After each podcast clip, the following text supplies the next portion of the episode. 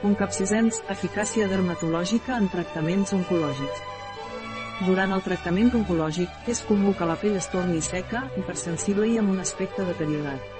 Concapsisens és una crema que conté una concentració alta d'ingredients neurocosmètics que ajuden a restaurar l'equilibri del sistema neurosensorial de la pell i reduir les sensacions incòmodes, efectes i conseqüències dels tractaments oncològics actualment. Hi ha diversos tractaments disponibles, incloent quimioteràpia, radioteràpia, immunoteràpia, teràpia dirigida, teràpia hormonal i trasplantament de cèl·lules mare, i en alguns casos es combinen diverses opcions. Tot i això, qualsevol d'aquests enfocaments pot provocar efectes secundaris en el pacient. Aquest article explora els possibles efectes secundaris dels tractaments oncològics i com ajudar a alleujar les molèsties associades a aquests. Quins efectes secundaris poden aparèixer durant el tractament oncològic? Els efectes secundaris dels tractaments oncològics poden sorgir quan afecten teixits o òrgans saludables, però no tots els pacients experimenten tots els efectes. La gravetat de les conseqüències també varia entre individus, i cal tenir en compte la necessitat d'eliminar les cèl·lules canceroses davant de les molèsties que causen els efectes secundaris. Tot i que cada tractament per al càncer té la seva pròpia manera d'acció segons el tipus de càncer, l'òrgan afectat i la gravetat de la malaltia, en termes generals, els efectes secundaris solen incloure anèmia, cansament, problemes en músculs i nervis, caiguda del cabell, canvis a la pell i les ungles, canvis a la gana, variacions en el pes, problemes de fertilitat, variacions en el desit i la funció sexual, afeccions gastrointestinals, problemes a la boca, llengua i gola, nàusees i vòmits, aparició d'infeccions, canvis a la pell d'acord amb la llista prèvia, el tractament oncològic pot afectar la pell, produint canvis com envermelliment, sequedat, picor, descamació i granellades. En algunes àrees del cos, la pell es pot enfosquir o aclarir.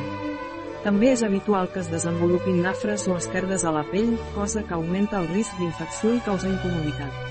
Radioteràpia La radiodermitis és el conjunt de lesions cutànies que poden sorgir com a resultat del tractament oncològic.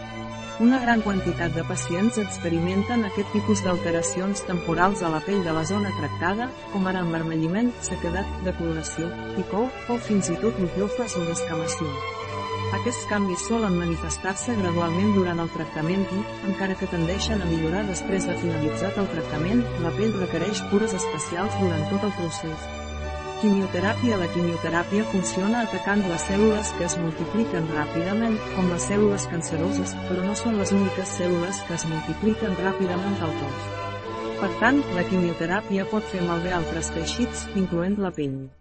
La probabilitat de patir un problema cutani varia segons el tipus de medicament que es faci servir en el tractament oncològic.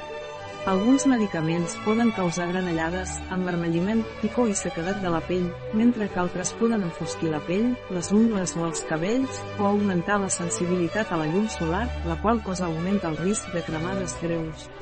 La neuropatia perifèrica és un dels efectes secundaris més comuns en pacients amb càncer. Els símptomes inclouen entoniment i dolor a les extremitats, dificultat per moure els dits, hipersensibilitat al fred o a la calor, formigueig, debilitat muscular i picor. La prevalença de la neuropatia perifèrica varia segons el tipus de quimioteràpia utilitzat i pot afectar fins al 80% dels pacients tractats amb paclitaxel i urocetaxel i fins al 95% amb oxaliplatí. Teràpia dirigida En aquestes teràpies, es busca atacar específicament certes proteïnes presents a les cèl·lules canceroses, no obstant això, aquestes proteïnes també poden estar presents en altres cèl·lules sanes del cos. Els efectes secundaris a la pell són generalment lleus i depenen de la dosi del tractament, però poden incloure granellades similars a l'acne. Un altre efecte secundari comú és la neuropatia perifèrica, que causa formigueig, cremor i major sensibilitat a la calor en mans i peus. Immunoteràpia La immunoteràpia és un tipus de tractament que aprofita la capacitat del sistema immunològic per destruir les cèl·lules canceroses.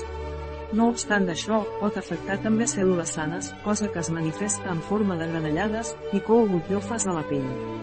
A més, els pacients poden experimentar una pèrdua de cabell localitzada o generalitzada, encara que aquests efectes secundaris poden trigar mesos a aparèixer després del tractament com millorar les molèsties associades als efectes secundaris en general, durant el tractament contra el càncer, la pell es torna més sensible i propensa a la irritació, cosa que fa que la cura de la pell sigui important. Això implica mantenir la pell neta, hidratada i protegida de la irritació, lesions i infeccions. Es recomana l'ús constant de protector solar, el tractament de la pell amb cremes que prevenen o milloren la sequedat i evitant productes amb altes quantitats d'alcohol o perfums que puguin augmentar la sensibilitat de la pell.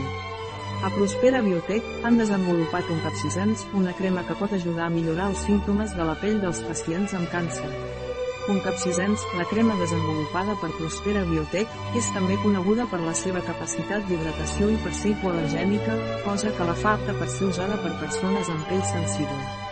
En un estudi realitzat a quatre hospitals diferents, el 87% dels pacients van obtenir una millora en el seu índex de qualitat de vida dermatològic gràcies a l'ús d'aquesta crema. Referències SEOM.